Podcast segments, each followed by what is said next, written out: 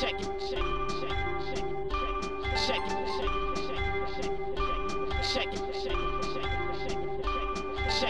Zapraszamy na kolejny odcinek podcastu Codrive.pl, a w nim Cezary zabiera nas do Arabii Saudyjskiej. Z całą pewnością jest to kraj pełen kontrastów. Opowiadamy o tym, czego nie pokazywały kamery podczas transmisji Grand Prix. Następnie przechodzimy do jednego z najdziwniejszych wyścigów w historii Formuły 1. Sędziowie po raz kolejny nas zawiedli. Analizujemy wszystkie sytuacje związane z minionym weekendem, z którymi decyzjami się zgadzamy, a których zdecydowanie nie popieramy. Jak do tego doszło, że tak bardzo krytykujemy sędziów? Zdaniem Louisa Hamiltona Max Verstappen jest szalony czy faktycznie Holender jeździ zbyt agresywnie? Która walka jest bardziej opłacalna, ta polityczna czy ta na torze? Helmut Marko broni swojego kierowcy i chce, żeby wszyscy dali im się po prostu ścigać. Na koniec zastanawiamy się, czy aby na pewno w najbliższy weekend poznamy mistrza świata. Max Verstappen zapowiada ekscytujący wyścig w Abu Zabi. Walczy tylko o tytuł, czy o coś jeszcze? Zapraszamy.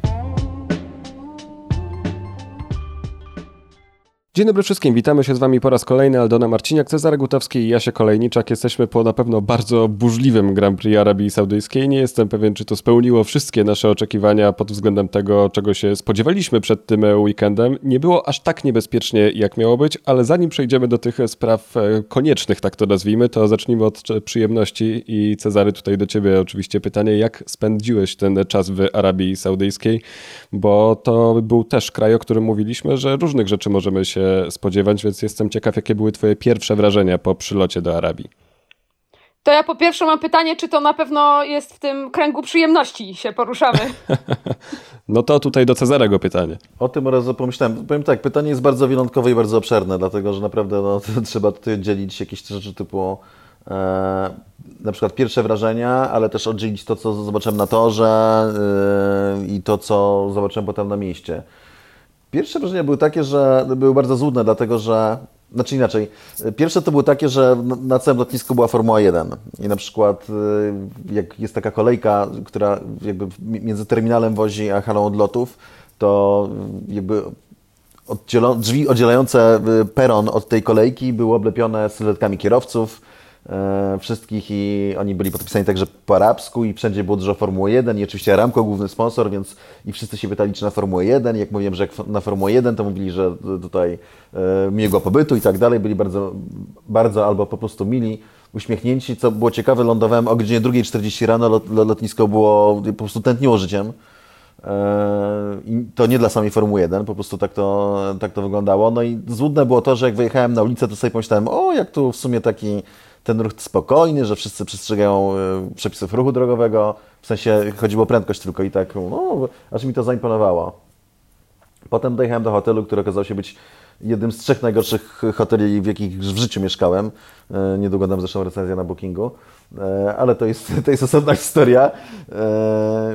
No i tak te pierwsze dni były trochę depresyjne, bo człowiek przyjeżdża na tor i to, co po pierwsze, to co widzi, to ten bajzel na ulicach i to, że jednak w tym kraju wybitnie jeszcze bardziej niż w wielu innych krajach, szczególnie arabskich, no, naczelna zasada to jest taka, że e, po prostu e, kto pierwszy, ten lepszy. Jak, tak, jak ktoś jedzie, to nie wjeżdżaj.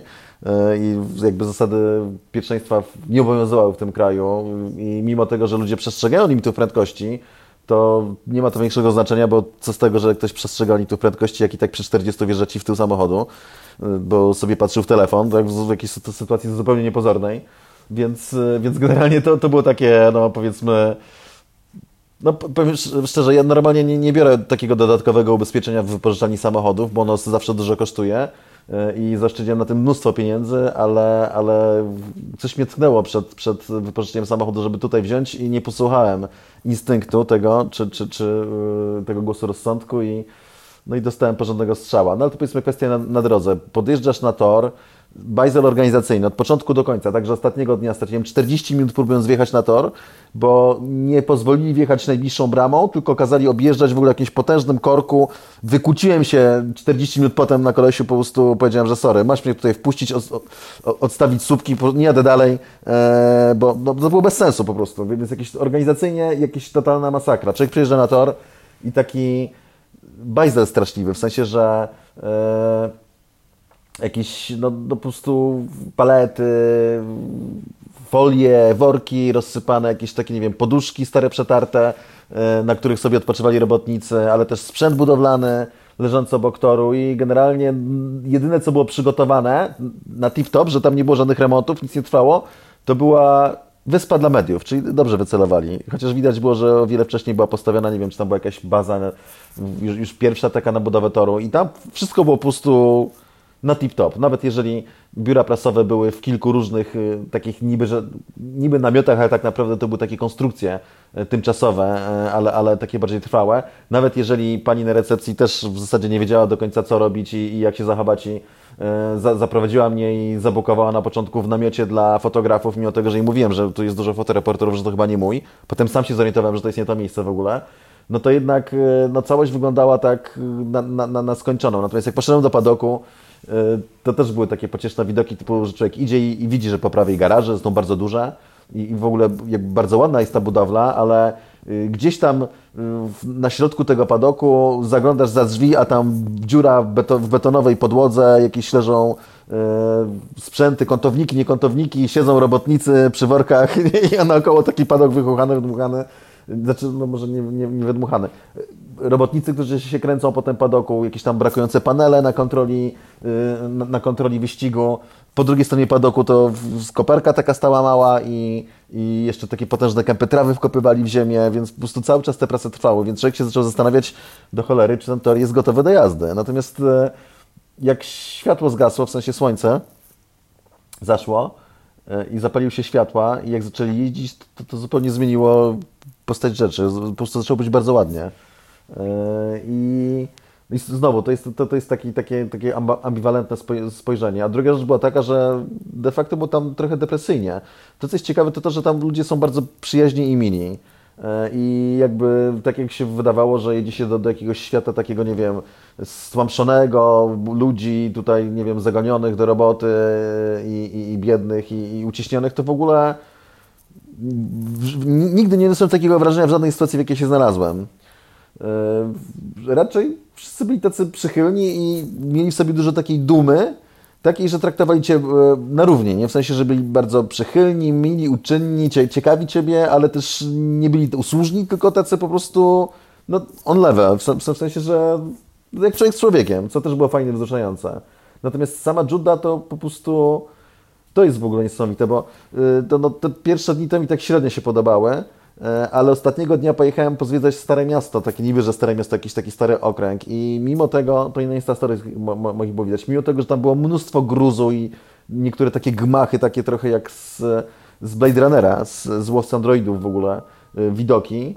E, i, i no, no, takie jakieś płatane w ogóle, trochę mi to przypominało też w RPA, kiedyś byłem w Kapsztacie, taką, w takiej dzielnicy, to trochę jak w, też fawele w Brazylii, że jakieś po, po, posklejane, po, powykańczane tym, co było pod ręką, E, to jednak e, było mnóstwo jakiejś takiej poezji w tych widokach. Kilka takich nowoczesnych budynków, a tak to jakieś no, no totalnie rozwalone, bruk, no, dziury, krzywe chodniki, no niesamowicie to, to wyglądało. Jakieś gruzowiska w ogóle, a to przecież taka dzielnica niby, że taka ich no, najbardziej wizytowa, jeśli chodzi, no to taki, że niby, że, że starszy fragment miasta, ale muszę powiedzieć, że w tym momencie naprawdę polubiłem to miejsce.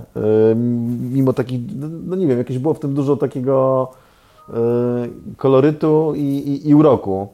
Więc ostatecznie, no wyjeżdżam, szczerze mówiąc, to wyjeżdżam z. Cała Arabia Saudyjska łącznie z wyścigiem była, była jakby imprezą kontrastów. I tak to, to samo dotyczyło toru. Że z jednej, to, z jednej strony tor był absolutnie ekscytujący i taki weekend był nasączony jakimiś niewiarygodnymi emocjami, których ja w życiu nie przeżyłem oglądając wyścig, e, ale z drugiej strony też było niebezpiecznie właśnie i, i było dużo rzeczy takich niedokończonych, dużo było syfu, co tu dużo mówić, więc taki... Ogólnie rzecz biorąc było to bardzo, bardzo interesujące, interesujące doświadczenie i pełne skrajnych emocji o, i skrajnych wrażeń. Jestem jeszcze bardzo ciekaw, jak poradziłeś sobie podczas twojej stłuczki z policją. Czy udało się dogadać bez problemu? Znaczy stłuczki nie miałem z policją. Eee, znaczy, tam jest taki dziwny ruch i naprawdę ja bardzo lubię jeździć w krajach arabskich, dlatego że to jest świetny trening e, dla głowy. Ja akurat uwielbiam jeździć samochodem i to jest taki e, ultimate challenge, czyli takie no, najwyższe wyzwanie, dlatego że tam naprawdę trzeba mieć oczy z tyłu głowy i jest jedna zasada, żeby jak ktoś ci wjeżdża pod koło, to żebyś w niego nie wjechał. Czyli trzeba obserwować, kto jak jedzie, jedzie i kto co robi. Mimo tego, że oni generalnie przestrzegają limitów prędkości, co jest w ogóle świetnym przyczynkiem do tej całej dyskusji na temat bezpieczeństwa, bo to jest najlepszy dowód na świecie, jaki widziałem, to, na to, że same limity prędkości absolutnie w żadnym stopniu nie gwarantują Ci bezpieczeństwa na drodze. Dlatego, że ich przestrzeganie y, nie daje nic, jeżeli wszystkie inne przepisy nie są przestrzegane jeżdżą ludzie, którzy nie umieją jeździć samochodami jeżdżą nieodpowiedzialnie. Zgodnie z limitami prędkości. Nie? To było po prostu szokujące doświadczenie. Ja czułem, że tak jest, ale, ale, ale to po prostu Arabia Saudyjska, Dżudda to jest po prostu najlepszy dowód na to. E, więc taki, no dużo chaosu na drodze i ja widziałem tego kolesia wcześniej, zauważyłem, no bo, no, no bo jechał jak kretyn tak czy inaczej. Gdzieś tam wyjechał prawie im pod koła, ale to już to jakby uznałem za względnie normalne, bo jak, jak wielu innych kierowców po prostu wtedy masz nogę na hamulcu, jest droga, miejsce po lewej, miasz go po lewej. E, I potem już go przestałem obserwować. Jechałem sobie spokojnie taką drogą boczną, oczywiście podziurawioną i, i taką wyboistą, typu coś 50, 40-50 na godzinę i podjeżdżałem do drogi z pierwszej przejazdu takiej e, bocznej, e, dajmy na to ekspresówki, czyli oni tam mają takie drogi w stylu i to jest ba bardzo, bardzo częsty widok, że e, 3, 4, 5 pasów, a obok jeszcze taka droga, która ma na przykład dwa pasy, niekoniecznie wymalowane i dość szeroka, idzie wzdłuż. Druga rzecz jest interesująca, że tam jest mnóstwo na tych szerokich drogach takich nawrotów, że są korki do miejsca, w którym zamiast mieć skrzyżowanie i światła, że skręcasz w lewo, to musisz dojechać, nawrócić i skręcić w prawo. I to mnóstwo korków w takich miejscach, więc po prostu i te, to są niebezpieczne miejsca, bo tam zawsze ktoś ci może pod koła wjechać albo się zdecydować, że będzie w lewo odbijał. No w każdym razie dojeżdżam do tej drogi, sobie spokojnie hamuję i nawet ja zawsze uważam na drodze i zawsze patrzę w lusterko wsteczne, czy ktoś mi nie jedzie w tył. Ma jestem na to przeczulony. No ale w takim miejscu, w jakiejś bocznej drodze podjeżdżasz, stajesz, żeby przepuścić auta, które jedą poprzecznie, to w ogóle nie spodziewasz się, że ktoś ci nagle z tyłu 40 na godzinę wiedzie w tył. Gdyby mi tam nie było, to by wjechał po prostu pod koło tych samochodów. No i facet przywalił. Ja w ogóle ten, y, jeszcze wypchnął mnie na drogę, więc obtarłem delikatnie rogiem samochodu kolesia, który jechał poprzecznie, którego opuszczałem, bo miał pierwszeństwo. Y, I stajemy we trzech i ja wysiadam, no co to dużo mówić, nie jestem zadowolony i mówię, what the ten, what are you doing? On mówi, o easy, easy, w ogóle pokazuje na nogę, że tutaj, że go noga boli, w ogóle easy, easy, nic się nie stało, luzik. Koleś, którego ja przytarłem też wysiadł, zadzwonił na policję i potem w zasadzie powiem szczerze, że miałem kilka stłuczek e, jako kierowca, zawsze jakieś drobne, już dawno temu, ale miałem kilka e, w Polsce, to gdyby w naszym kraju tak szybko policja przyjeżdżała, to, to w ogóle byłoby super. A tam byłem w szoku, że jeszcze zdążyłem, jakby że zdążyłem na tor na wyścig. Tak szybko to żeśmy załatwili. Przyjechał policjant, tamten koleś powiedział, że ja sam zachowałem gwałtownie, co nie było prawdą, ale nawet gdyby było, to przecież absolutnie i, tak była jego wina. Złożyliśmy zeznania, nie dostałem żadnego raportu i pojechałem na tor, mówiąc w skrócie. A potem już załatwiałem sprawę wypożyczalni, więc, więc yy, no ale szczerze powiem, że walnięcie było mocne, nie widać y, po, po kufra. Nigdy w życiu chyba nie dostałem takiego strzała w tył mocnego, nawet w żadnym wyścigu, a w kilku pojechałem. Dlatego, drodzy słuchacze, pierwsze co robimy, gdy wsiadamy w szczególności do nie swojego samochodu, to podwyższamy zagłówki. Tak, oczywiście Michael Schumacher nawet to e, promował, była taka akcja. W 1998 roku przyjechał do Polski po raz pierwszy. E, to była kara za to, że e, próbował staranować Jacques'a Villeneuve'a w finale Mistrzostw Świata 97 na torze Jerez, kiedy Villeneuve go atakował, to Schumacher po prostu w niego wjechał, staranował go. Kto oglądał ten wie, kto oglądał dokument o Schumacherze, może się domyślać, bo... Ten nie wie? No tak, mieliśmy dyskusję z Adamem na ten temat, czy to było widoczne, czy niewidoczne. Za karę dostał, musiał promować akcję e, FIA drogową, 10 sekund, które uratują Ci życie i to chodziło o to, żeby mówili, żeby zapiąć pasy, e, żeby zdjąć z tylnej półki przedmioty, bo podczas zderzenia one mogą Cię zabić albo pasażera, bo nawet długopis w tym momencie nabiera takiego przyspieszenia, że jest groźny i żeby podnosić zagłówki, bo to Cię może uratować od kalectwa. I faktycznie zagłówek zadziałał. Czekaj, czekaj, to co mówiłeś? W ostatnim wyścigu sezonu staranował kolegę, z którym walczył o tytuł, w sensie rywala i pięknie tym sposobem przeszliśmy do aktualności. Brzmi bardzo znajomo i faktycznie o tym na pewno też będziemy rozmawiali, ale jeszcze o samym to rzeczy czuć było pewne przerażenie, gdy pod treningi Formuły drugiej nie wystart, Formuły 2 nie wystartowały o czasie. Nie, nie, jakby był pełen luz i takie... Yy generalnie tak jak się rozmawiało, to no, kierowcy niby otwarcie tego nie mówili, ale widać było pewien niepokój, bo no, jakby symulatory nie pokazały tego, jak ten tor jest wąski. i nie pokazały, jak ten tor wydawał się śliski. Wydawał się, bo faktycznie nawierzchnia była brudna. Lando Norris powiedział, że w życiu nie był na tak brudnym torze. Plus oczywiście wydawało się, że jest jeszcze, będzie jeszcze oleista, no bo świeży asfalt, bardzo frakcje.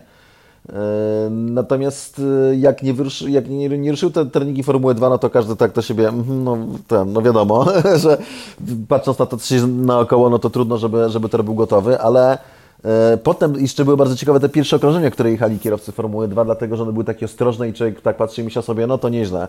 E, no bo, no bo faktycznie nawet było słychać po dźwięku silników, jak przyjeżdżali, że jadą przez długi czas, względnie jechali na pół gwizdka, po prostu starając się wejść w rytm tego toru i obawiając się, że coś tam zacznie się ślizgać i że, no, no, no, że po prostu jest bardzo ślisko. Natomiast potem, po bardzo krótkim czasie, oni zaczęli jechać coraz lepiej, coraz lepiej. Były co prawda dwa dzwony, ale ewidentnie zaczęli nabierać tempa i to, co się okazało, to, co uratowało ten weekend ostatecznie, to był fakt, że ten asfalt nie jest tak, był, został tak dobrany, że mimo tego, że jest świeży, to się okazało bardzo przyczepny i po prostu to był totalny game changer. Gdyby nie to, ten nie, niewykluczone, że weekend by się nie odbył albo zostałby przerwany po jakimś fatalnym bardzo wypadku albo po serii wypadków. Ale to, że asfalt był tak przyczepny, y, no to po prostu jakby odmieniło mm, losy weekendu i spojrzenie z punktu takiego, że Yy, no fakt, on, ten tor był niebezpieczny, no bo tam to Russell o tym mówił, że jest, za, nie tylko Russell zresztą, że jest za dużo miejsc, gdzie są ślepe zakręty i wyjeżdżasz z zakrętu i po prostu nagle ktoś stoi poprzek toru. Nie, Perez nagle postanowił wjechać w Leclerca i stoi poprzek toru. I nie, nie, nie miałeś w stanie tego zobaczyć, nie masz gdzie uciekać, bo są tylko ściany. I to jest ten element niebezpieczny, ale jednak y, element frajdy z jazdy i wyzwania był ogromny, dlatego że asfalt trzymał. Więc można było pocisnąć między tymi ścianami, można było w tych łukach poczuć przeciążenia i, i po prostu takie wyzwanie typowo sportowe, jak ktoś jest na poziomie takim, że jest w Formule 2 i dąży do Formuły 1, albo jest w Formule 1, no to ostatecznie możliwość jazdy po czymś takim to jest jednak taki strzał adrenaliny i satysfakcji, jak wyjdzie, że, że, że no ten przyczep asfalt to naprawdę on totalnie odmienił losy tego weekendu. No i myślę, że też pod względem bezpieczeństwa został jednak przygotowany dobrze, to czego też się obawialiśmy, że te bandy być może nie będą w niektórych miejscach dokończone, ale zadziałały wtedy, kiedy miały zadziałać albo nikt nie trafił żadnej bandy, która nie, nie, nie była dokręcona. Nie mi się wydaje, że akurat jedno, co na, na, na bank skończyli, to była właśnie no, to, co kamery pokazywały, czyli, czyli nitka toru cała. No i oczywiście wyspa dla mediów, no bo tam może kamer mniej, ale mediów dużo. Więc te dwie, rzeczy, te dwie rzeczy były wykończone. Natomiast cały czas nie zmienia to faktu, że jest to szalony tor. Jego największe szaleństwo polega na tym, że kierowcy jadą z bardzo wysokimi prędkościami przez ślepe zakręty i były takie sytuacje, była szczególnie jak Lewis Hamilton jechał, już nie pamiętam, czy to było chyba w treningu i to wtedy naprawdę się rzuciło w oczy. Chyba w treningu. Że on wypada z zawinkla, a tam jeden po drugim się właniał. Jeden, drugi, trzeci, czwarty, piąty samochód, który jadą na przykład 50 na godzinę. On jedzie 300. I to w ogóle ultra niebezpieczne. Natomiast druga rzecz taka, że fakty to wypadek Pereza pokazał, że jak Perez y, postanowił wjechać na Leclerca, E, i stanął bokiem i tam cały potem karambol w sensie, że jeszcze wjechał e, Mazepin w tył Russella, który po prostu zwolnił, bo nic nie widział, no to to jest coś, co no, nie widać. Po prostu postawili mury obok trasy i to sprawia, że ten, że, że tego nie widać. Co jest ciekawe, jak oddawałem samochód dziś e, w wypożyczalni, rozwalony, już przy biurku załatwiałem formalności, to mnie pytali, czy to... Oczywiście jak zwykle przyjaźni, mini, i, i, i, ale z drugiej strony z tą jakimś swoją dumą. I py, pyta mnie człowiek z wypożyczalni, czy ja na wyścig? Ja mówię, że tak, na wyścig i mówi, jak było, więc mu mówię, że generalnie, że ten, że no, no, no spoko i tak dalej, ale że to jest niebezpieczne, szalone, a on tam patrzy do kolegi, się śmieją i on mu tłumaczy koledze, bo kolega po angielsku nie mówi, się śmieją, że mówi, no, Saudi Arabia. ale to był drugi raz, kiedy to powiedział. Pierwszy raz powiedział Saudi Arabia, jak mu opowiadałem, jak miałem dzwona, jak mi ktoś w tył wjechał, w sensie, i to wtedy też tak pokiwał Saudi Arabia. No niestety w Formule 2 też jeden taki dzwon, gdzie ktoś wjechał komuś w tył był, ale no to tutaj już nie jest nic związanego z torem. Nie, no jest trochę dlatego, że yy, nie było gdzie uciec za bardzo, w sensie, że było dość wąsko na prostej startowej. Zabrakło tego, yy, wiesza się tego, powiedzmy tych dwóch metrów yy, trawy po lewej i nie wiem, metra po prawej, albo takiego, zazwyczaj na torach zwróć uwagę, że masz jezdnię wymalowaną i nawet jeżeli obok e, jest ciągle twarda nawierzchnia, to to jest na przykład e, beton. I on jest włączony niby z ruchu, ale masz tam powiedzmy półtora, dwa metry jeszcze jakiegoś takiego zapasu z jednej i dwa, trzy, cztery metry, pięć z, z drugiej strony. A tutaj nie było. Tutaj było po prostu ściana, tor, ściana. Trochę, nawet w Montrealu, jak zwrócisz uwagę na główną prostą, na prostą startową, to co prawda mamy ten, y, ścianę mistrzów, ale z, po bokach jest, jest szeroko, nie? jest o wiele szerzej y, i jest w razie czego gdzie omijać, a tutaj po prostu na ślepo nie było, nie, nie, nie było gdzie pojechać, więc no, wąska, wąska główna prosta. Jeśli ktoś e, nie śledził dokładnie, mówimy o wypadku, do którego doszło na starcie przed e, niedzielnym wyścigiem Formuły 2. Theo Purcher, znane nazwisko oczywiście też e, nie wystartował. E, i wjechał w ten stojący bolid Enzo Fittipaldi. E, obaj przetransportowani do szpitala, ale oczywiście e, większe obawy o Enzo Fittipaldiego, który ostatecznie już zameldował się na mediach społecznościowych z złamaną piętą, to jest jego jedyne obrażenie. Poza tym ma sporo siniaków. Co ciekawe, ma sporo siniaków na twarzy. A no, wydawałoby się, że jednak pod kaskiem powinna być naprawdę bardzo dobrze chroniona. Tymczasem no, jedno oko to właściwie ma e, podbite, e, ale szczęśliwie nic się nie stało, a to jest rzeczywiście bardzo groźny scenariusz wypadku, bo różnica prędkości jest e, ogromna, możliwości reakcji żadne, ale to też pokazuje, jak bezpieczne są te bolidy. Zresztą uderzenie Nikity Mazepina w George'a Russella tak samo bardzo podobne mechanicznie, bez tutaj w ogóle żadnych konsekwencji, więc Myślę, że tutaj Halo też dużo pomogło. Tak, to, to na pewno. Cezary, mam jeszcze jedno pytanie, bo to mnie bardzo męczy. Jak z Twojej perspektywy wyglądał pokaz dronów podczas ceremonii Formuły 1? Bo to było coś niesamowitego, gdy w telewizji się to oglądało, jak na niebie był wymalowany tor. Ja Co się... to w ogóle było? Ja nie mogłam w to uwierzyć. To były drony. To już widzieliśmy na Igrzyskach Olimpijskich poprzednich zimowych i tutaj to było na jeszcze większą skalę zrobione. Na poprzednich Igrzyskach to był taki pokaz świetlny cały zrobiony. Tutaj wisiał nad, e, nad torem tor. Moi mini. Ej, ja wiem, Cezary tego nawet nie widział, bo pracował. Zgadłam? Exactly, widziałem to tak jak wy w telewizorze i w social mediach, a nawet mniej, bo siedziałem z nosem i pisałem, robiłem notatki, jakieś rzeczy, więc po prostu tylko na socialach odwinąłem. Mniej więcej takie wrażenie. To ja, to ja mam w takim razie jeszcze jedno bardzo ważne pytanie, które mnie z kolei nurtuje. E, co nam e, przywiozłeś? Eee. No dobra. Siebie, rozumiem, rozumiem. Eee, Dobrze. Pomidor. Eee, po daktylu. Co jest, to pytanie jest nie fair. Jejku, co za pytanie. Zaraz coś wymyślę. No dobrze, dobrze. Kupię w Dubaju i będę udawał, i będę udawał, że ten, że to z Arabii Saudyjskiej. Jejku, ale teraz mnie żeś zagięła. Nie no, słuchaj, przyznałeś się już na socialach, widzieliśmy jaką miałeś stylówę z tymi sygnetami na palcach. Mam no, ale nadzieję, sygnety... że tak cały czas po to, że chodziłeś. Sygnety nie, nie chodziłem z nimi po to, żeby było mi głupio, ale wrzuciłem na sociale, bo sygnety są dla, dla patronów moich na prezenty, chociaż tylko dwa, jeden mam zostawiony, kurde. Ale teraz jestem czerwony ze wstydu. Dobrze, że to podcast, bo by było widać. No dobra, dobra. Słuchajcie, przejdźmy w takim razie do tych wydarzeń, na które myślę wszyscy czekają i po tym drobnym rozluźnieniu możemy już wejść na poważne tematy, bo mamy naprawdę o czym mówić. Eee, myślę, że z kim byśmy nie porozmawiali, kto oglądał ten wyścig, to możemy się zgodzić, że był to jeden z bardziej szalonych, jeżeli najbar nie najbardziej szalony wyścig w ciągu ostatnich 20 lat w Formule 1. Wyścig, który wszystkich nas bardzo zmęczył, pod względem psychicznym, bo oglądanie tego i nadążanie za tymi wszystkimi decyzjami i wydarzeniami było bardzo trudne i proponowałbym, żeby, żeby właśnie wyjść od tego punktu, czyli od tego, co działo się w ogóle z sędziami.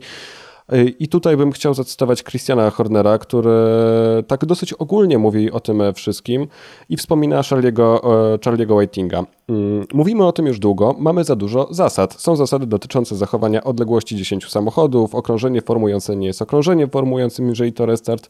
To nie wygląda, to wygląda wszystko na zdecydowanie zbyt wiele zasad. Wygląda na to, że taki dzień jak dzisiaj pokazał, że brakuje nam Charlie'ego Whitinga. Przykro mi to mówić, ale to doświadczenie, jakie miał, no i tutaj trzy kropki czy faktycznie zabrakło kogoś, kto by po prostu trzymał całą tą ferajnę osób, które chcą wygrywać, się ścigać w garści i powiedział, co jest czarne, a co białe?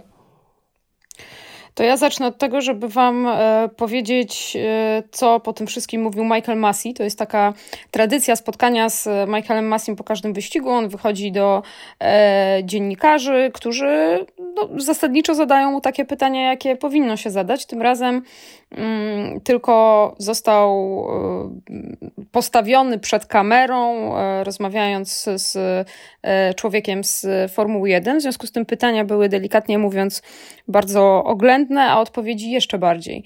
I e, tak naprawdę główny przekaz z tego jest taki, że mm, Michael Massey mówił absolutnie o niczym, okrągłymi zdaniami, po wyścigu, nawet e, szkoda mi wam tego cytować, bo to po prostu wyglądało to strasznie. Po wyścigu, w którym sędziowanie było tak ważną sprawą i tyle rzeczy trzeba było wyjaśnić i powiedzieć coś stanowczo, ewentualnie wyjaśnić ludziom.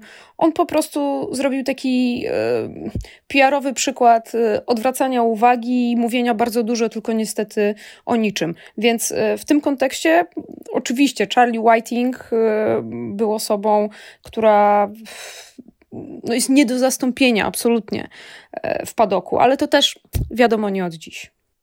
Nie wiem, polemizowałem, czy jest nie do zastąpienia.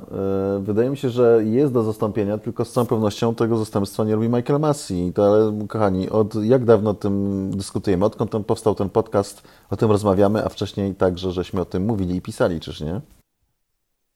Słuchajcie, ja bym y, miała taką propozycję, bo ja mam swoje typy co do tego, z którymi decyzjami sędziów się zgadzam, a z którymi się nie zgadzam. Może w ten sposób przez to przejdźmy. Po Bardzo prostu. dobrze, dawaj, Bo ale będziemy okazję decyzji- dys- dyskutować. Jeden, jeden, jeden po jeden. A zaczniemy od kwalifikacji, czy lecimy wyścigiem od razu? Zaczniemy Czy w od ogóle F3. o te... No właśnie, jeszcze mamy treningi. No to dawajcie. Aldona, prowadzisz.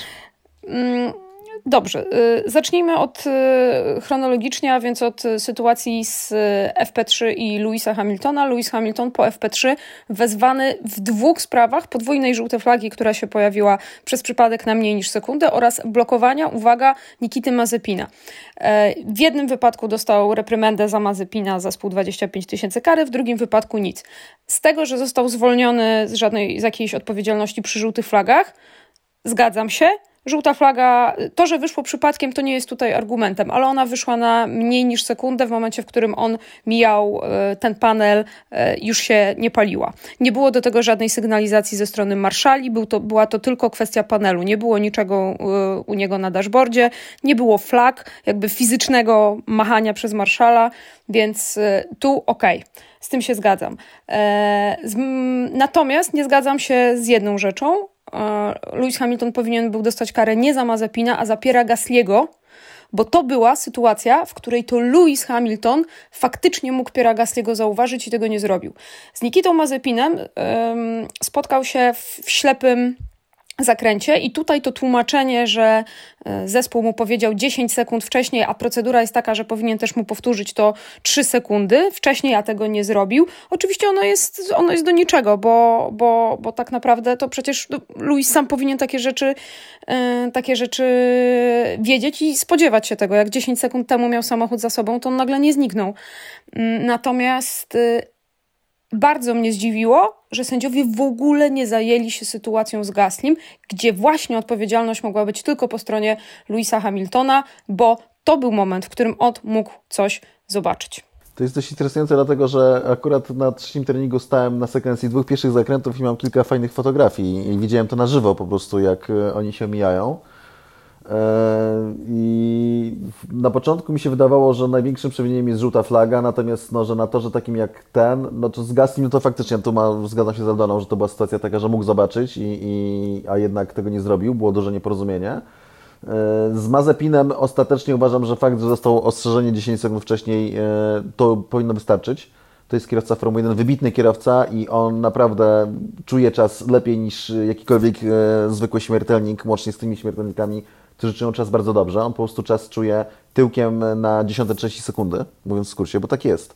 Więc doskonale wiedział, że w jakimś momencie ten Mazepin nadjedzie i mniej więcej mógł przy, e, strzelić, kiedy się do niego zbliży. Po prostu.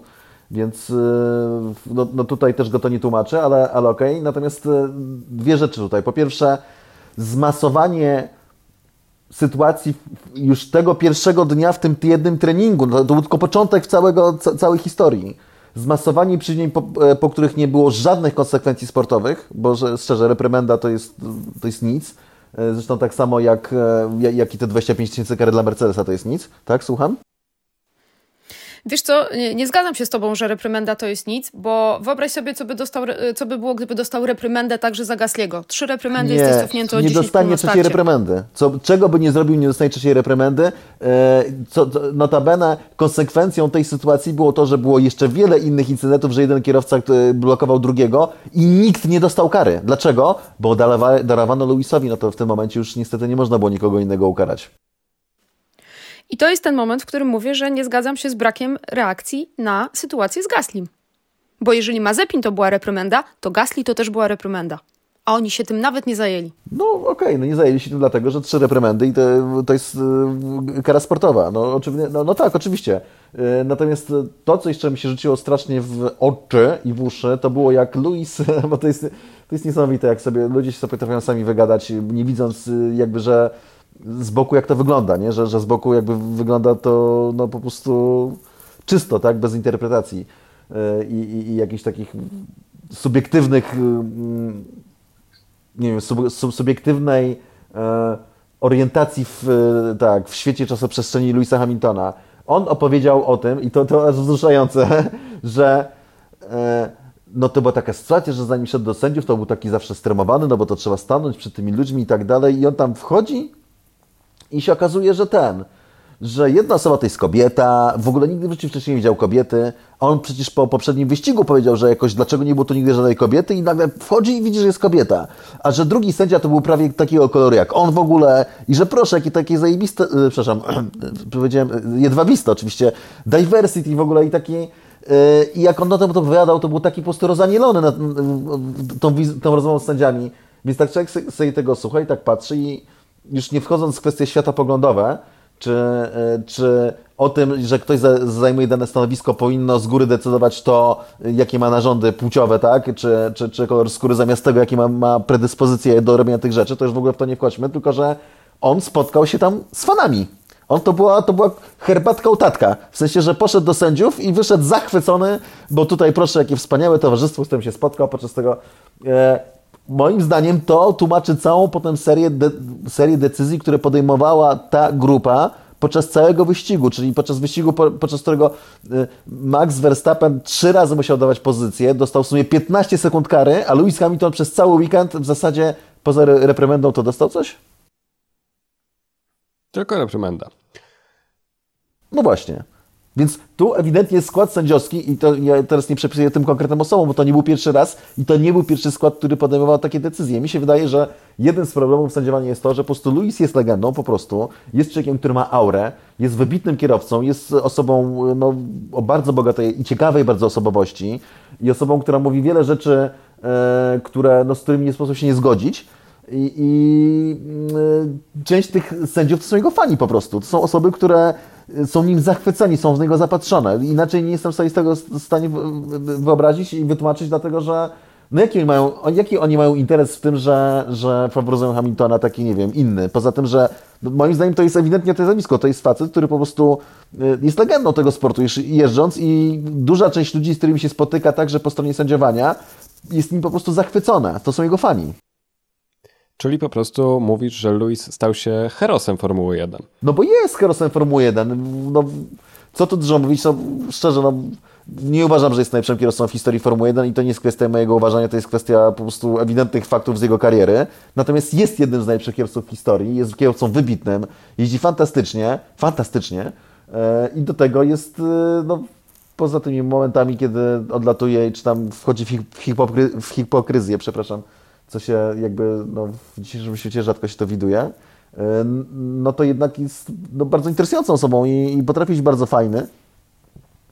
Więc, e, no szczerze, no bo inaczej tego nie można, znaczy inaczej, można by jeszcze tutaj się doszukiwać jakiś, nie wiem, że no już wchodząc naprawdę na, na niższy poziom, na który nie chcę, że jakieś, nie wiem, kwestie finansowe i tak dalej, ale nie podejrzewam tego w żaden sposób. Moim zdaniem to jest po prostu kwestia tego, że to jest jeżdżąca legenda, której oni nie chcą, no nie wiem, są w niego zapatrzeni po prostu.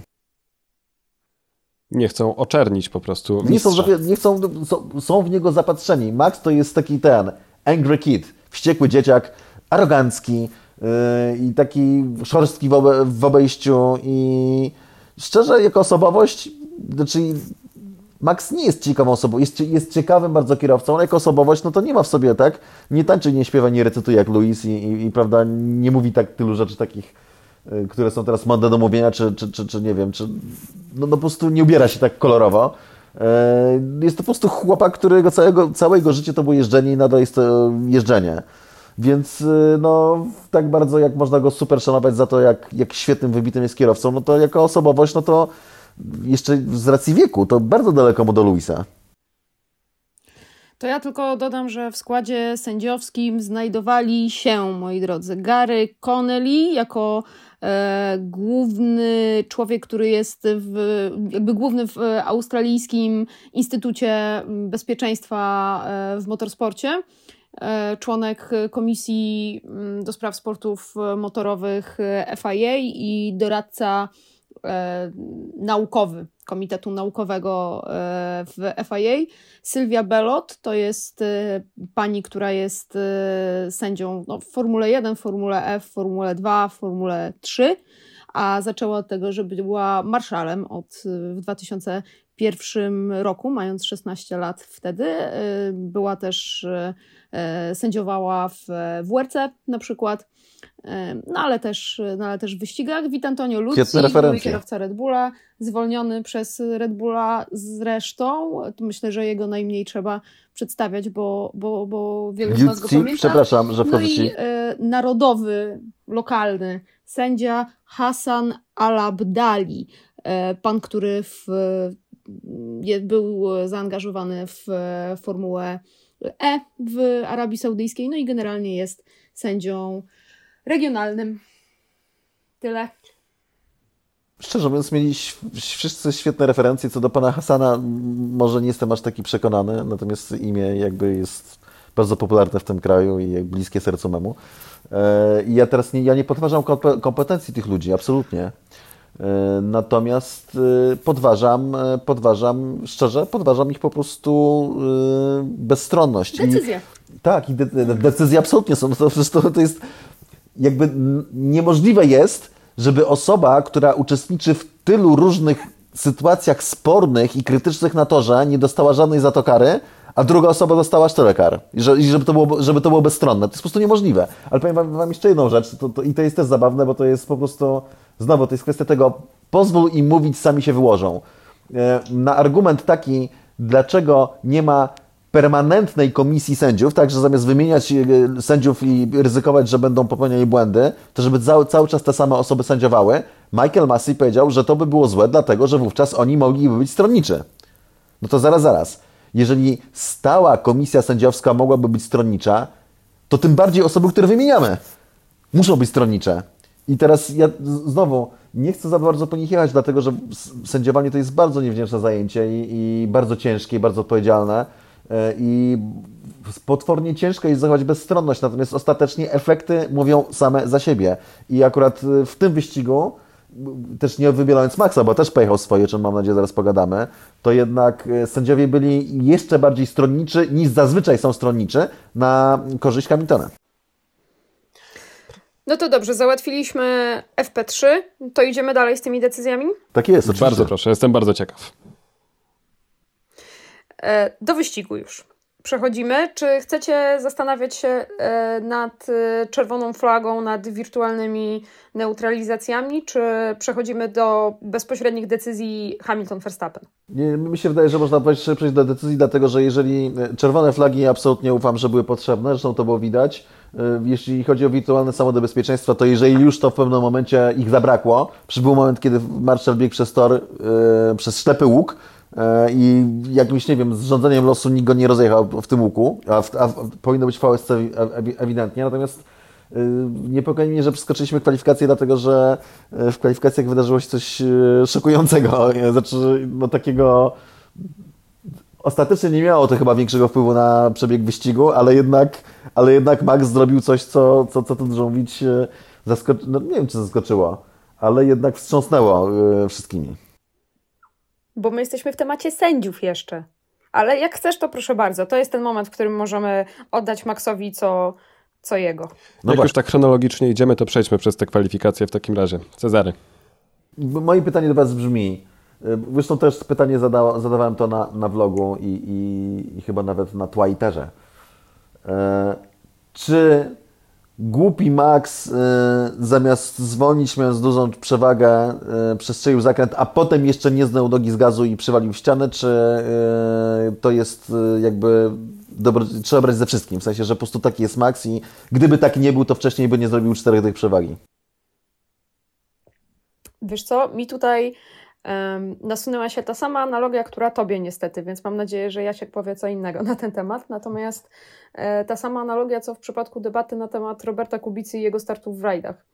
E, czyli mm, owszem, Max powinien był zdjąć tę nogę z gazu w momencie, w którym widział, że ma 30 sekundy, ale tutaj jednak mała, mała dygresja. On wiedział, że ma 30 sekundy do swojego czasu i wiedział, że Hamilton się poprawił na drugim przejeździe. On nie wiedział, że ma nad Hamiltonem przewagę. On ma e, tylko deltę do siebie. Dlaczego? On nie, nie miał deltę do siebie. Słucham? Nie, nie, myślałem, że miał deltę do Hamiltona ustawioną. On mówił, że wiedział, Aha, że ma 30 okay. nad swoim czasem. A nie, nie, nie wiedział, zgodnie z tym, co mówił, ile tak, tak. poprawił się Hamilton. W związku z tym Dlatego, dlatego naciskał. E, natomiast e, drugie pytanie brzmi, czy on w ogóle miałby te 30 nad sobą, czy nad Hamiltonem, whatever, gdyby nie pojechał tak, jak pojechał 26 zakrętów tego toru. E, no i to jest, to jest właśnie ten pakiet. To jest Cezary, to o czym, o czym ty mówisz. Ja na początku uważałam, że że to się nie może udać, że to nie ma prawa się udać, że, że on wywali. Po prostu oglądaliście to okrążenie, ja kilka razy je oglądałam od samego mm. początku.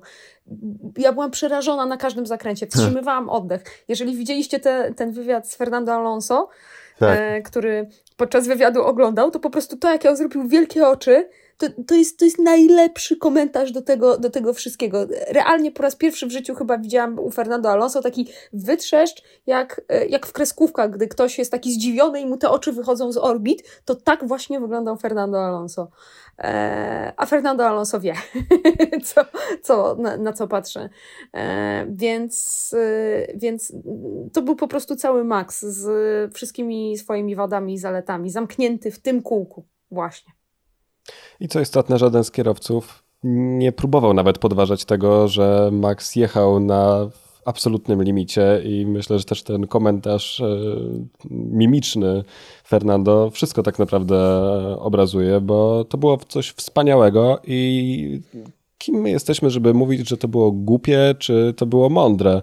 Max po prostu jest kierowcą Formuły 1, który chciał w tym momencie, miał flow, chciał dojechać to okrążenie do końca i czuł, że może coś zrobić więcej. Nie wydało. No trudno, no. Taki live. Komentarz mimiczny. Bardzo mi się podoba to, Jasiek. Wprowadzamy.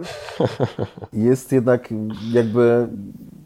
Zgadzam się z Wami, aczkolwiek uważam, że Max gdyby był dojrzalszy o 5 do 10 lat, to by wiedział, że nawet jakby w, relac- w odniesieniu do swojego czasu, że jeżeli jedzie o tyle szybciej od siebie samego, widząc y, o ile wolniej pojechał Hamilton poprzednie okrążenie, to by wiedział, że raczej Hamilton go nie pokona i moim zdaniem by pojechał Cię to ostrożnie. Natomiast pamiętajcie, że mm, to był bardzo złożony zakręt tak naprawdę i sytuacja, ona trwała bardzo krótko, bo to bolid Formuły 1, ale to, że jakby zblokował koło hamując na tym dziwnym hamowaniu bardzo krótkim, to jedno, ale on jeszcze zdążył przejechać cały nawrót i nie zdjął nogi z gazu, w sensie docisnął nogę tak prawdopodobnie dlatego, że wiedząc, że, że dużo stracił, po prostu tak docisnął gaz, że, że wyjechał na ścianę. Ale słuchaj, prawie pokleiło. To, to nie było takie super absurdalne. To prawie się udało. Nie, nie mówisz absurdalne. Gdyby to się udało, to byśmy mówili, że to był fenomenalny czas na miarę Ayrtona Senny i że to było niesamowite. W tym momencie możemy mówić, że to było dziwne. No mi się wydaje, powiem tak, absolutnie uważam, że tego się nie da dzielić od Maxa. Okrążenie było super na 206 okrążeń, w tych zakrętach zabrakło 27 i nie można mieć do niego to pretensje, szczególnie żadne z nas nie może mieć, bo tylko kierowcy Formuły 1 mogą inni go ocenić, a żaden, przypuszczam, nie miałby śmiałości, żeby wyjść i powiedzieć, że co on zrobił, po prostu, bo nie wiedzą, oni sami wiedzą, jak to wygląda najlepiej. Natomiast, y, no jednak, y, Wierzę, że gdyby Max miał jakieś 7-8 lat więcej, to by już tak się to nie skończyło. Jest taka szansa, ale w dalszym ciągu wierzę, że ten flow, który miał, po prostu był tak wciągający, że on chciał to okrążenie skończyć i też miał na pewno z tyłu głowy to, że i tak ma już czas okrążenia i w dalszym ciągu to nie będzie tak, że dużo traci. Mógł mieć wszystko albo po prostu dobrą pozycję. Ale proponuję, żebyśmy z tej dygresji kwalifikacyjnej wrócili do decyzji sędziowskich i tutaj Aldona, bardzo proszę, z którą pierwszą decyzją z wyścigu się nie zgadzasz? Albo zgadzasz. A, więc jeśli chodzi o e, Verstappena i Hamiltona, to mamy tak naprawdę trzy sytuacje. Pierwsza to jest e, moment, w którym przy restarcie Max wyprzedził Luisa po poza torem i wtedy doszło do tego słynnego dealu. Michael Massey zaproponował Red Bullowi zamianę pozycji na starcie, na restarcie, e, tak naprawdę. Z tym się zgadzam, z tą decyzją sędziów. Max e, powinien był oddać tę pozycję. Druga, his druga historia. Ale nie, bo lećmy jest... jedno po jednej, bo nam się wszystko rozmyje. Tak, zacznijmy od, zacznijmy od tego, co no w tej chwili powiedziałaś. Po kolei idźmy. E, więc bardzo proszę, Aldona, jaka jest Twoja. Dlaczego się zgadzasz z tym, co się wydarzyło podczas e, trwania tej czerwonej flagi, tak naprawdę? Dlatego, że Max wyjechał poza tor. I tyle. I tu, tutaj kontrowersja dotyczy czego innego, dotyczy tego układu, który e, Michael Massey zaproponował Red Bullowi, mówiąc coś na zasadzie, no albo bierzecie to, albo to zostanie przekazane do sędziów. Jak zostanie przekazane do sędziów, to sędziowie mają tak naprawdę prawo zrobić wszystko. Mogą nie podejmować żadnej akcji, mogą ukarać Verstappena, mogą ukarać go pięcioma sekundami, dziesięcioma sekundami tak naprawdę nie wiesz, jest to niewiadoma, więc y, Masi zaproponował już w tej chwili jakieś, jakieś rozwiązanie, dlatego to był taki deal, oferta, dlatego tak to zostało nazwane, e, na oddanie tej pozycji Hamiltonowi e, wcześniej. Słusznie, słusznie, Max powinien był oddać tę pozycję Hamiltonowi. Ja tutaj wejdę w takim razie trochę w votum separatum. E, to A znaczy, po pierwsze trzeba powiedzieć, że tutaj oddzielić Masiego od sędziów, bo Masy nie jest sędzią, aczkolwiek wiele, mnóstwo zależy, jeśli chodzi o sędziowanie od niego, natomiast on ostatecznie tych jakby werdyktów sędziowskich nie daje. I w tym momencie Masi idzie na rękę Verstappenowi i Red Bullowi. To jest, Michael Masi w tym momencie wyciąga rękę do Red Bulla. Bo sędziowie, no moim zdaniem, jeszcze patrząc na to, co robili, to by go po prostu prawdopodobnie by kazali ukrzyżować Maxa Verstappena za to. Natomiast e, ja, ja, muszę zacząć od tego, że podczas wyścigu przez dłuższy czas, im dalej trwał wyścig, tym bardziej byłem zniesmaczony tym, co robił Max Verstappen. I szczerze mówiąc, wręcz naprawdę mnie do siebie bardzo zniechęcił.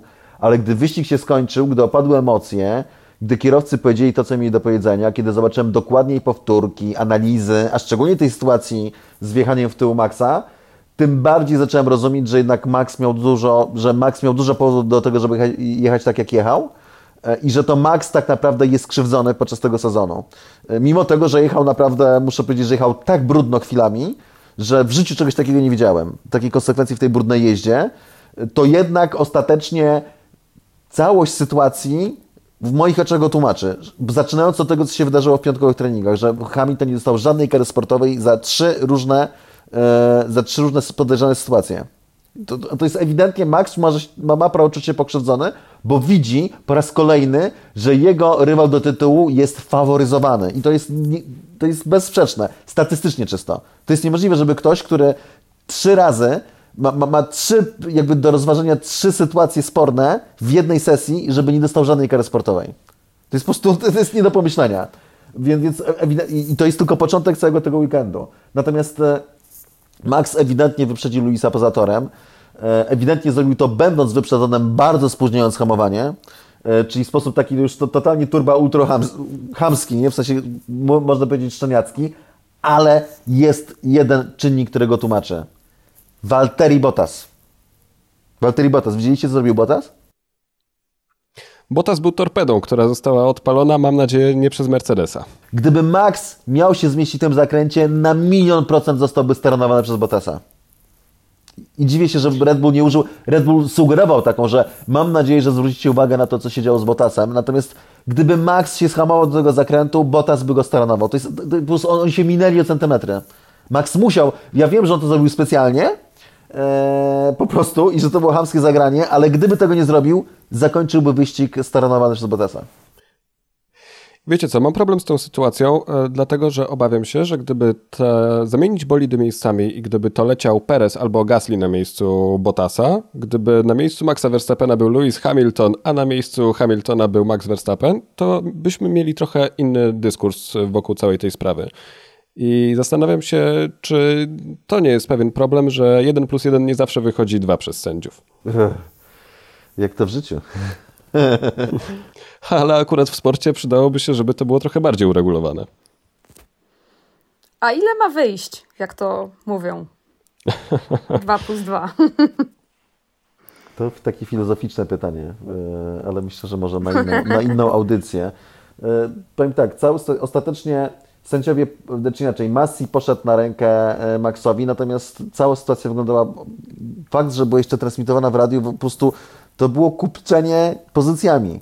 I moim zdaniem ostatecznie, znaczy w ogóle, jeszcze raz, nie zazdroszczę sędziom, a szczególnie teraz Massimo w tej sytuacji, bo ona była ultra skomplikowana, bo Max wyprzedził poza torem, gdyby nie, nie, nie zrobił tego manewru, e, to dostałby strzał od Bottasa, natomiast to, co naj, najgorsze, co się wydarzyło w tej sytuacji, to było to, że Bottas wszedł między niego a Hamiltona. Gdyby była sytuacja, że Hamilton był drugi potem, to wtedy to jest proste. Max oddaj pozycję, tak, albo Natomiast fakt, że jeszcze Okon się znalazł z tym wszystkim, no to już było naprawdę niezła komedia z tego. I to źle wyglądało. Natomiast jeszcze raz, tu i to trzeba oddać, Masi poszedł na rękę Red Bullowi, e, bo gdyby sędziowie dostali tę sprawę, to no, moim zdaniem to mówię, zarządziliby rozstrzelanie Maxa Verstappena. A przypominacie sobie takie sytuacje z historii, w których dyrektor wyścigu by tak negocjował z zespołami na temat danej sytuacji? Bo to też się wydawało dosyć dziwne cała, cała ta komunikacja radiowa.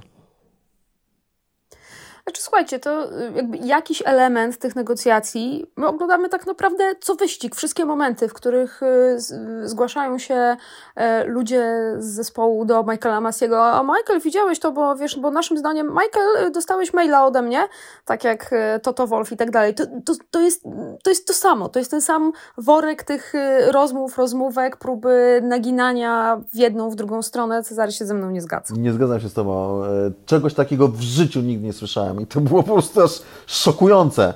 Szokujące. Moim zdaniem powinni, e, znaczy szczerze, ja bym dał Maxowi karę 5 sekund za coś takiego, aczkolwiek biorąc pod uwagę, że Bottas go prawie staranował, no to, no to, to, było, to, to była po prostu grecka tragedia. To była sytuacja bez, bez żadnego rozsądnego wyjścia, natomiast e, no, no, szczerze to kupcenie i to najpierw mówienie, że Max pojedzie z drugiego pola, potem, że nie, że z trzeciego jednak pojedzie i to, to po prostu w ogóle o co totalne zamieszanie. Natomiast jeszcze jedna rzecz potem była e, i o, oni też należy podyskutować.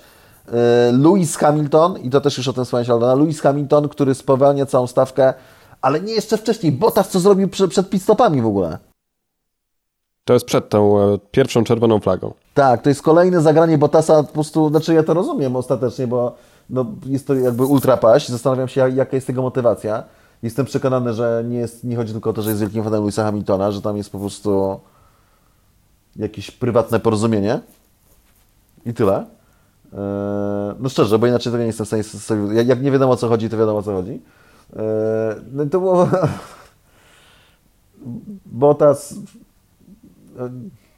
Nie, nie chcę się wypowiadać, bo po prostu, szczerze mówiąc, jest to dla mnie postać tragiczna generalnie w Formule 1 i, i jest to postać, o której nigdy nie będę już w stanie ciepło pomyśleć. Bardzo dwuznaczną rolę odgrywa w walce o Mistrzostwo Świata nie tylko w tym sezonie, mówiąc w skrócie.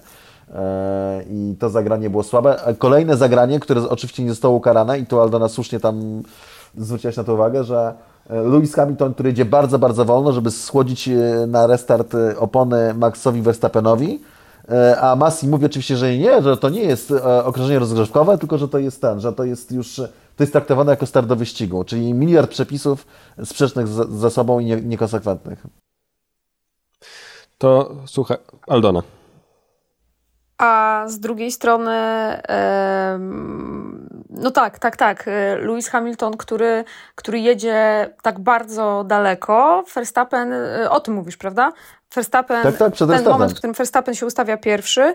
Kurza no tak, się. ale widzicie, to też jest no ale to, to jest rozróżnienie w e, przepisach i ono jest wyraźne. Okrążenie 10 e, odległości samochodu to jest przepis, który obowiązuje przy samochodzie bezpieczeństwa. Jeżeli jedziesz za samochodem bezpieczeństwa, masz trzymać 10 odległości samochodów. Jeżeli masz wtedy, a nie na okrążeniu, a nie na okrążeniu wyjazdowym na pola, tak jak w tym wypadku, które nie jest formującym per se, ale to nie jest jazda za samochodem bezpieczeństwa. Na okrążeniu takim, e, no inaczej, na okrążeniu formującym masz obowiązek trzymać się najbliżej jak się da.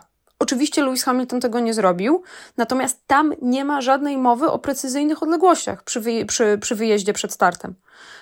To, do czego się odwoływał Max, 10 odległości, to jest przepis obowiązujący tylko przy safety carze, więc tutaj akurat nie miał racji, że powoływał się na to. Oczywiście kwestia skomplikowania tego tu tak, tu tak, tu śmak jest drugą sprawą, natomiast as it stands, tak jak jest regulamin, 10 odległości dotyczy tylko jazdy za safety carem, rzekłam. Okej, okay, natomiast jedna rzecz, na którą chcę zwrócić uwagę, to to i teraz zarzut do mnie samego, że ja podczas wyścigu jestem oburzony tym, jak Max jedzie brutalnie, chamsko, ale patrząc teraz wstecz, to się zastanawiam nad tym, a ile trików zastosował Lewis Hamilton, które nie były fair play w e, tym wyścigu, albo Mercedes, i Bottas spowalniający Verstappena i Lewis jadący o wiele wolniej, żeby słodzić opony Verstappena, to są wszystko bardzo podobne sytuacje.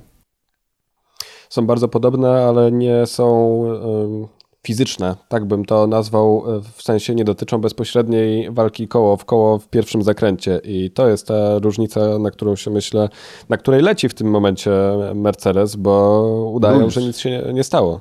To jest ta wyścigowa inteligencja Louisa Hamiltona, wybitnego kierowcy, który jest królem faulu i jazdy na pomniejszy faulu.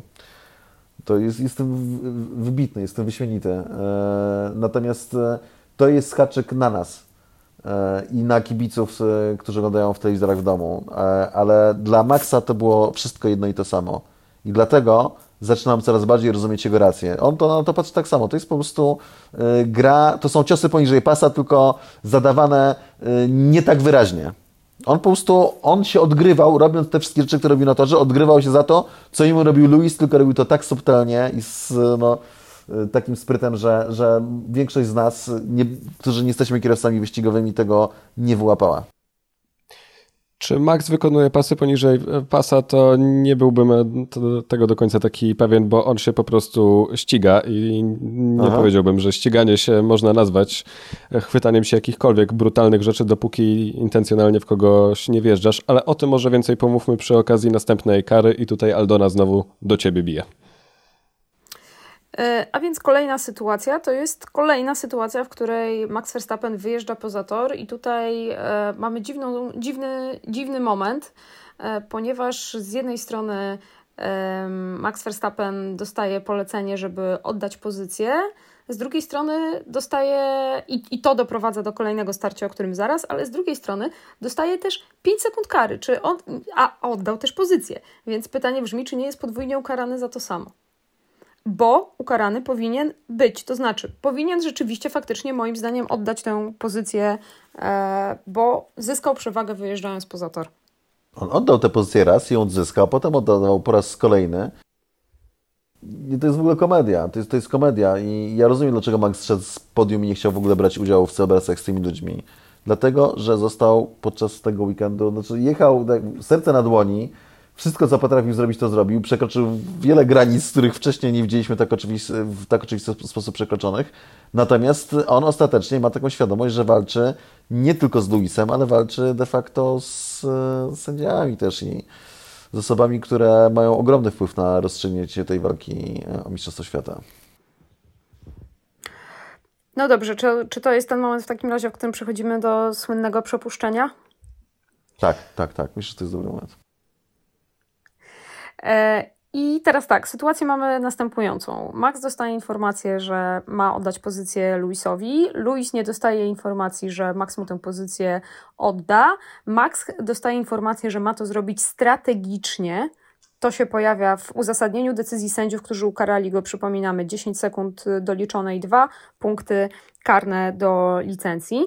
E, I Max zwalnia, i teraz co jest argumentem e, sędziów, że zwalnia z bardzo dużym naciskiem na hamulce, 68 barów, i e, przeciążenie 2,4 G, podczas gdy normalnie to by było podczas normalnego hamowania masz 1 G. Czy to wystarczy, czy nie? To jest y, ten jedyny moment, y, jeżeli chodzi o te starcia Verstappen-Hamilton, kiedy ja uważam z kolei, że sędziowie y, się trochę potknęli o własne nogi, ponieważ um, otworzyli tę słynną puszkę z Pandorą, wchodząc w dywagację pod tytułem że oni rozumieją, że Lewis Hamilton nie chciał odebrać tej pozycji przed linią DRS-u. Czyli co? Czyli w tym momencie, czyli teraz wchodzimy w sytuację, w której e, kierowca może sobie wybrać, kiedy on sobie odbierze tę pozycję. Nie, przepisy mówią jasno. Ten, który ma oddać tę, tę pozycję, ma to zrobić w pierwszym dogodnym momencie. Max Verstappen zrobił to w pierwszym dogodnym momencie. To, że to nie był dogodny moment dla Louisa Hamiltona, bo to było przed linią detekcji DRS-u, co nas to do diabła obchodzi. I nagle e, Lewis Hamilton wjeżdża w tył e, Maxa Verstappena, mm, zachowując się jakby się po prostu e, to chciał, wiecie, chytry dwa razy traci. Aha, aha. Przykombinował w tym momencie, po prostu. Dodam tutaj tylko do tego słowa Helmuta Marko, który mówi, że inżynierowie przygotowują dane udowadniające, że Max był jednostajny w swoim hamowaniu i nie break testował Louisa Hamiltona. To tak do zaostrzenia tej dyskusji. Jestem ciekaw, Cezary, co ty masz tutaj do powiedzenia. Więc ja na początku jakby spisywamy to na karp wszystkich akcji, które wcześniej Max zrobił, czyli te właśnie no, typu wyprzedzenie Luisa poza torem, kiedy Luis już był z przodu i, i objechanie go, czy taka obrona, że wywoził go z toru, co mi się takie rzeczy nie podobają. Tak samo zresztą jak i Brazylia. E, natomiast potem, kiedy już widzę powtórki po wyścigu, kiedy widzę komentarze kierowców i kiedy wychodzą dane, no to w tym momencie dla mnie jest jedna rzecz oczywista. Max Verstappen stopniowo zmniejszał prędkość, żeby puścić Louisa Hamiltona. Louis Hamilton jest kierowcą wybitnym, wybitnym, który jedyne co chce, to chce wyprzedzić Maxa Verstappena i wygrać ten wyścig, powalczyć o Mistrzostwo Świata. I nagle jak widzi kierowcę, który przed nim zwalnia, nie chce go wyprzedzić, to co on nie wie? On musi od, od zespołu słyszeć, że, że go chce puścić. Co za bzdura w ogóle? Przecież to jest jakiś absurd. To jest absurd. On doskonale wie, co robi Max Verstappen i sam nie chce go w tym momencie wyprzedzić. I w momencie, kiedy on sam nie chce go w tym momencie wyprzedzić, to Lewis Hamilton jest odpowiedzialny za wszystko to, co się dalej dzieje. I ja uznałem, że Max specjalnie spuścił nogę z gazu, że specjalnie być może nawet nacisnął hamulec, a 60, 65 8 barów to nie jest wcale aż tak dużo i przeciążenie 2,5G podczas hamowania to nie jest dużo, bo jest ponad dwa razy wyższe to jest, to Luis sam się w tę sytuację wprowadza. I tak jak na początku uważałem, że Max zrobił coś bardzo chamskiego i niepotrzebnego, tak po przeanalizowaniu sytuacji na spokojnie, przy powtórkach i przy informacjach, które uzyskaliśmy potem, Lewis Hamilton sam był sobie winien i sam wjechał w tył rywala. Louis moim zdaniem tutaj został całkowicie wyprowadzony z równowagi tak naprawdę tą sytuacją. Co ciekawe, dla jednej z redakcji po wyścigu mówił Max chciał mnie przepuścić przed strefą DRS, a potem sam go użyć, ale nie jestem głupi. E, no to słuchajcie, no co to jest za, za tłumaczenie i to jeszcze publicznie przyznawanie się do tego, że po prostu nie dostosował się do przepisów, które istnieją i no, nie chciał wyprzedzić kierowcy? To jest sprzeczne absolutnie z wszystkim, co mówił podczas, e, po, po tym wyścigu. To jest tłumaczenie człowieka, który jest przyzwyczajony do tego, że od początku kariery Formuły 1 ma carte blanche i w większości sytuacji e, jest moderowane i, i po prostu ludzie się boją go ukarać. I mi się tutaj przypomina jedna sytuacja, na którą od razu zwróciłem uwagę i uważam, że to był największy błąd w całej tej historii w ogóle, który bardzo skrzywił Formułę 1. E, I to była ta sytuacja, kiedy to było wiele lat temu, kiedy Hamilton dostał karę, to chyba było w Monaco, wyszedł z samochodu i powiedział, że to chyba dlatego, że jestem czarny. I moim zdaniem za użycie tej karty i tego argumentu, i to od razu wtedy pisałem, on za to powinien dostać bana na wyścig albo na dwa. Bo to jest wpływanie na sędziów, zagrywanie kartą, to po prostu było tak, to, no to było straszne, mówiąc szczerze, bo nikt tak nikogo nie traktował. Eee, I to było wykorzystanie korzyści no takiej no, może nie wchodźmy na te kwestie światopoglądowe, ale za taki tekst to było zarzucenie, sugerowanie, że sędziowie są rasistami. Co w ogóle, jeżeli, jeżeli Horner dostaje reprymendę za to, że się wkurza na sędziów za sytuację z, z Kataru, to Hamilton za, za, za zarzucenie sędziom rasizmu już wtedy powinien dostać bardzo surową karę. Nie dostał tej kary. Mówił potem, że żartował, że to był taki tekst Alego G, e, co nie było prawdą. E, to jest ten moment, kiedy Formuła 1 skręca w bardzo złym kierunku, jeśli chodzi o ocenę sytuacji i sędziowanie. Słuchajcie, proponuję, żebyśmy, jeżeli jeszcze chcemy tutaj coś dodać do e, Aldona, jeszcze masz coś tutaj do dodania w tym temacie? To w takim razie proponuję, tak, żebyśmy proponuję, żebyśmy przeszli do następnej, yy, szli dalej po prostu. Co masz jeszcze na swojej magicznej liście? Yy, dziękuję, tyle. To ja w takim razie mam do Was pytanie, co sądzicie w takim razie o decyzji, która nie została podjęta, o wywiezieniu Maxa Storu przez Louisa Hamiltona. A taki tam między kierowcami tutaj sobie pojechał. Moim zdaniem to takie nic wielkiego Normalne. po prostu. Powiózł go trochę i tyle. To, to, to drobnica. Za, za takie rzeczy nikt się nie, nie powinien do nikogo czepiać. Lewis Hamilton i Mercedes uważają, że Max jedzie zdecydowanie za grubo. Helmut Marko odpiera dosyć stanowczo, że nie uważam, żeby był jakikolwiek powód, dla którego Max miałby się uspokoić. To mecz pomiędzy Mercedesem i Red Bullem i mecz między Maxem a Lewisem. Pamiętajcie, co wydarzyło się na Silverstone i co wydarzyło się w Budapeszcie. Nie zapominajcie o tym. Mam wrażenie, że to jest e, takie odniesienie, że przestańcie się e, wchrzaniać w tą rywalizację, bo to jest do wyjaśnienia między nami na torze i nikt do tego się nie powinien dotykać i ja się szczerze mówiąc pod tym podpisuję. To mówi były kierowca Formuły 1 i też tak uważam, on też no, trochę, to jest też trochę taka demagogia, on też się stara wytłumaczyć skąd się biorą te reakcje i emocje Maxa i tutaj ma rację e, akurat. No, no jest to po prostu sportowiec, były sportowiec, który, który broni e, innego sportowca i to mi się podoba. Natomiast jeszcze jedna rzecz, to, to też musimy powiedzieć, bo to no, wychodzi z tego, że jednak strasznie jedziemy po sędziach i jedziemy po tym, co robił Luis, natomiast trzeba dodać, że kurczę, Luis w sytuacji, w jakiego postawił e, Verstappen, jechał wybitnie. W sensie, moim zdaniem popełnił dwa błędy tak naprawdę, bo ma prawo, natomiast co do zasady, wszystkie pułapki, które na niego zostawiał Max, poza, może poza tą z tym break testem, na który sam się nadział, i to był jeden z tych dwóch błędów Hamiltona, no to trzeba powiedzieć, że poza tym, no to no co tu dużo mówić, owszem, miał szybszy bolid, ale też no, było du, dużo bardzo finezji w wjeździe Hamiltona, tak? To nie odbierajmy mu tego, że pojechał doskonale ten wyścig, a potem się oparł na rzeczach, na, na, na tych pozasportowych e, korzyściach, które ma z tego, że jest Lewisem Hamiltonem. Max Verstappen mówi też o tym, że ja po prostu staram się ścigać, a w tym sporcie w tym momencie jest więcej karania niż ścigania. I coś w tym jest, że przestajemy tak, często Formuła 1 podrzuca sama przez swój profil tą walkę między Massą a Robertem Kubicą e, na, podczas mokrego wyścigu i to jest piękny przykład hardkorowego ścigania, które dzisiaj by nie przeszło. Często się odwołujemy do tego, ale to jest przykra prawda, bo gdy kiedykolwiek dochodzi do jakiegoś choć trochę brutalnego starcia na torze, to nagle wszyscy zaczynają wrzeszczeć, że Boże, ten kierowca jest szalony. To akurat Lewis Hamilton o Maxie Verstappenie. I no, Quo Vadis Formuła 1.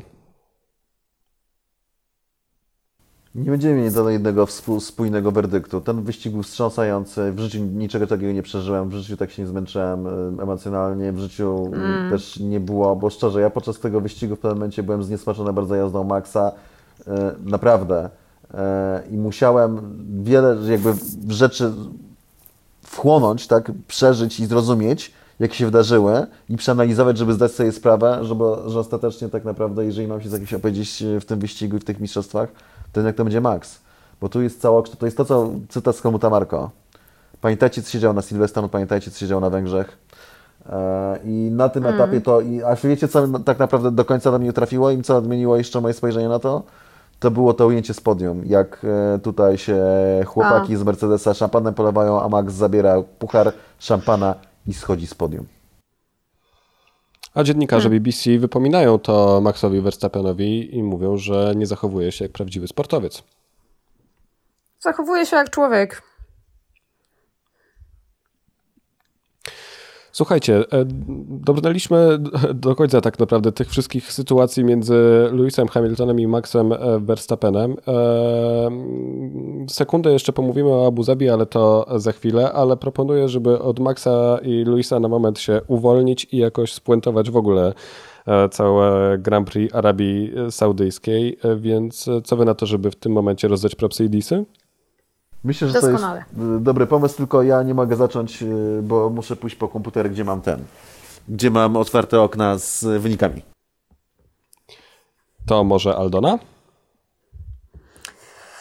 Mój props idzie do, moi drodzy, Daniela Ricardo, który e, ładnie się pozbierał to piąte miejsce. Oczywiście jest to jakiś smutek i znak czasów, że trzeba się cieszyć z piątego miejsca e, Daniela Ricardo, ale jest to jego raz, dwa, trzy, cztery, piąty najlepszy wynik w tym sezonie i e, bardzo potrzebny po trzech wyścigach bez punktów, po serii bardzo słabych e, kwalifikacji, więc w tym chaotycznym, trudnym wyścigu props dla Daniego. Cezary. Jasiek? Mój props idzie A, do Walteriego Bottasa za piękną sportową walkę. Nie no, żarcik oczywiście. A tak na serio? E, Wiecie co, dziś spotkałem Antonio na lotnisku, pogadaliśmy sobie chwilę, e, czekając na pizzę. To jest też e, dość interesujące, wracając do Arabii Saudyjskiej, że mają naprawdę super ładny, nowoczesny terminal, ale jak się przeszło do, jakby z tego terminalu już do tej, nazwijmy to, do, do hali odlotów, to, to się okazało, że większość miejsc, gdzie można zjeść cokolwiek było zamkniętych, a w dwóch pozostałych była taka kolejka, żeby nie zdążył na samolot, ale w, przy pizzerii jednej sieciówce stanąłem i złapaliśmy się z Antoniem, więc chwilę pogadaliśmy. Spytałem go, Tonie, czy oglądałeś wyścig? On mówi, nie. Mówię, to zobacz, co się tam działo. Myślę, że widział te fragmenty, tylko nie chciał się komentować po prostu dziennikarzowi, mówiąc w skrócie. Jest już na tyle dobrze ogarnięty w mediach. E, I ten. I mówię, Tonio, kurde, mega dobrze pojechany wyścig, więc cały weekend de facto powiedziałem, więc, więc e, moje propsy idą dla Antonia Drzwinackiego.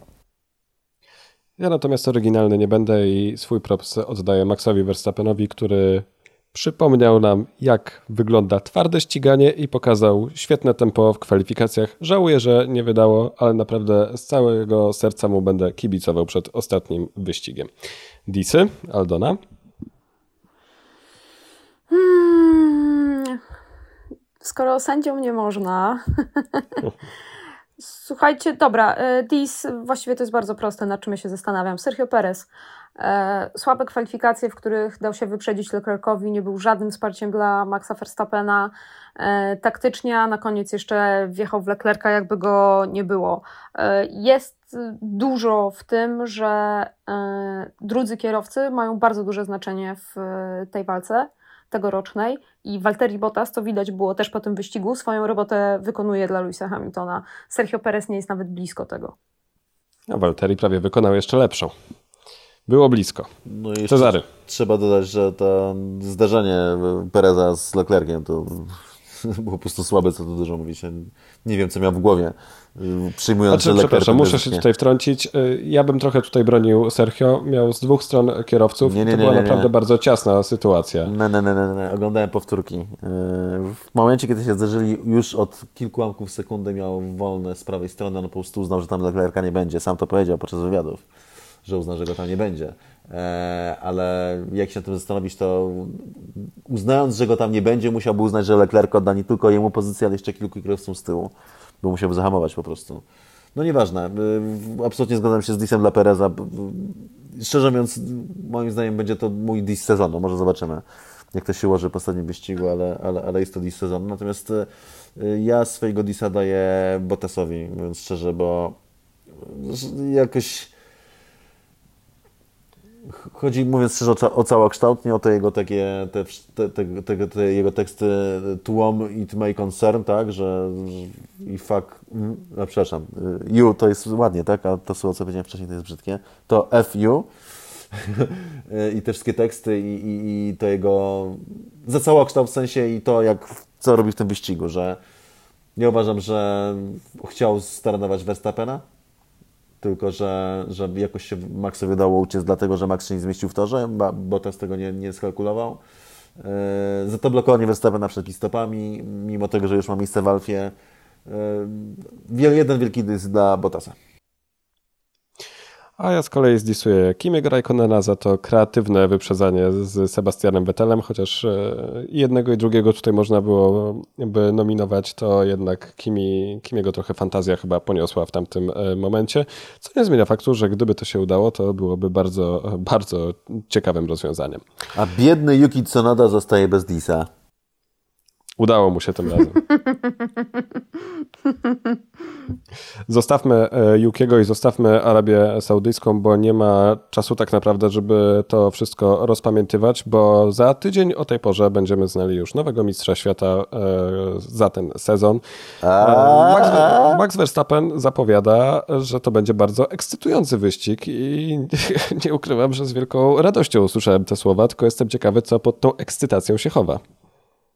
Jasiek, powiem Ci szczerze, że jesteś optymistą, uważając, że za tydzień będziemy znać spokojnie odwołania, protesty, sędziowie. Mam nadzieję, że w dniu w takim razie publikacji naszego podcastu, e, czyli w środę, to będzie już jasne. Moim zdaniem akurat to wcale nie będzie, znaczy zobaczymy, e, ale zacząłem się tym zastanawiać, czy Red Bull nie założy procesu Formuły 1 po tym sezonie. Bo mhm. mają, mają podstawy, mają podstawy. Wcześniej by to nie miało miejsca, dlatego, no, bo był Charlie i to był Bernie i to inaczej funkcjonowało. Natomiast e, szczerze mówiąc, jak się zbierze, jakbyśmy musieli teraz zebrali cały case całego sezonu rzeczy, które się wydarzyły i zebrali decyzje, jakie zostały podjęte, to to jest, e, to, to jest e, na sprawę sądową. To jest na sprawę sądową. Naprawdę, szczerze, jest kilka takich momentów, w których można i wcześniej takich rzeczy nie było, ale no bo to, to, już nawet abstrahując o walkę o Mistrzostwo Świata i walkę o te, tegoroczne Mistrzostwo Świata, to jest walka o Formułę 1, o szansę w przyszłorocznych Mistrzostwach Świata, bo jeżeli w tym roku dzieją się takie rzeczy i nie ma tak reakcji na to, to ile to będzie trwało? To ile może jeździć Formuła 1, yy, licząc na to, że będziemy mieli aż taką przewagę, że już złe sędziowanie nie wpłynie na wyniki? Tak więc może tutaj trochę przesadzam i dramatyzuję, ale szczerze nie zdziwię się, jeżeli to się tak skończy, dlatego że zwróćcie uwagę, jaką mamy eskalację. To są mistrzostwa, mówiliśmy o tym ostatnio, które weszły na poziom walki, jakiego wcześniej nigdy nie widziano. I po tym, jak żeśmy o tym mówili, walka na torze i znowu sędziowanie weszło na kolejny poziom, czy zeszło z kolejnego poziomu, jakiego nigdy wcześniej nie widziano, więc się nie zdziwię, jak na rozstrzygnięcie walki Mistrzostwa Świata będziemy czekać dłużej niż, niż tydzień. A jeżeli chodzi o same kwestie e, sportowe, albo też niesportowe, co może się wydarzyć w przyszłym tygodniu? Bo patrząc na to, że mamy, mm, widzieliśmy potencjalną torpedę w postaci Walteriego Bottasa, to czy Red Bull jednak sięgnie po te brudne narzędzia i może niejawnie, ale będzie namawiał swoich kierowców do tego, żeby jednak zawalczyli o mistrzostwo dla Maxa, czy jednak nikt się nie będzie chciał pod tym podpisać swoim nazwiskiem? Nie, nie zrobią tego. Tutaj do takich rzeczy musisz mieć Botasa jeszcze. Kierowcę, którego wysterujesz, nagniesz, e, żeby... E, tak, trochę mi się tutaj przypomina e, gra o Tron. I cała sytuacja, wybaczcie, bo nie pamiętam imion, ale jest ten cały wątek z tym, powiedzmy, bękartem chowanym przez Boże, nie Lannisterów, tylko którzy byli dobrzy, co na początku ich zabijają wszystkich prawie. Pamiętam, ale nie powiem. No Lannisterowie... Ci od wilków. Ja nie wiem. Słucham? Ci od wilków. Ci od wilków, dokładnie. Ci od wilkorów. E, I jest tam cała, cała akcja nakręcona, jak e, jeden Benkart trafia w ręce sadystę. I ten sadysta jakby urabia go psychicznie krok po kroku, że kiedy siostra przyjeżdża go uwolnić, to on nie chce, to nie chce, się, nie chce tej wolności. E, więc, więc moim zdaniem, mówiąc w skrócie, trzeba tegoś tak urobić, jak Walteri został urobiony przez te wszystkie lata, żeby on e, po prostu nawet chętnie e, robił rzeczy, które robi. To w takim razie Max będzie miał skrupuły, żeby gdy zajdzie taka potrzeba, zakończyć nie. te mistrzostwa kolizją. Max nawet, on nie będzie walczył o mistrzostwo. On, on, on po prostu, moim zdaniem, zrobi to, nie, nie walcząc o tytuł, zrobi coś, żeby tylko pokazać, że został skrzywdzony. Mając gdzieś, czy, czy, czy zostanie ukarany, czy nie ukarany, zdyskwalifikowany. Patrząc na to, co robi dotychczas, po prostu w ten sposób, nie? Że, że tylko po to, żeby pokazać, żeby wyciągnąć problem na wierzch. I tym zachęceniem jestem e, bardzo już rozemocjonowany przed niedzielnym wyścigiem. Czekam na godzinę 14. Szczęście, że tak wcześnie to się wszystko zacznie, bo będzie jeszcze można poprzeżywać po, po wyścigu. Zobaczymy, ile on będzie trwał, bo w końcu czerwone flagi w tym sezonie są bardzo modne. Na dzisiaj to tyle. Aldona Marciniak, Cezary Gutowski, Jasie Kolejniczak. Bardzo dziękujemy.